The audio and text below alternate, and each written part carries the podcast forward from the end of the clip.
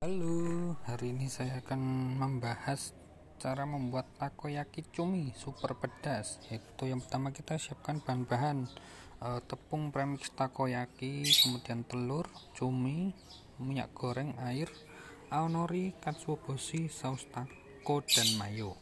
Jadi caranya yaitu karena saya beli satu paket tepung beserta dengan pelengkapnya, jadi udah lengkap gitu ya karena satu paket Selanjutnya rebus cumi sebentar, potong kecil-kecil, sisihkan.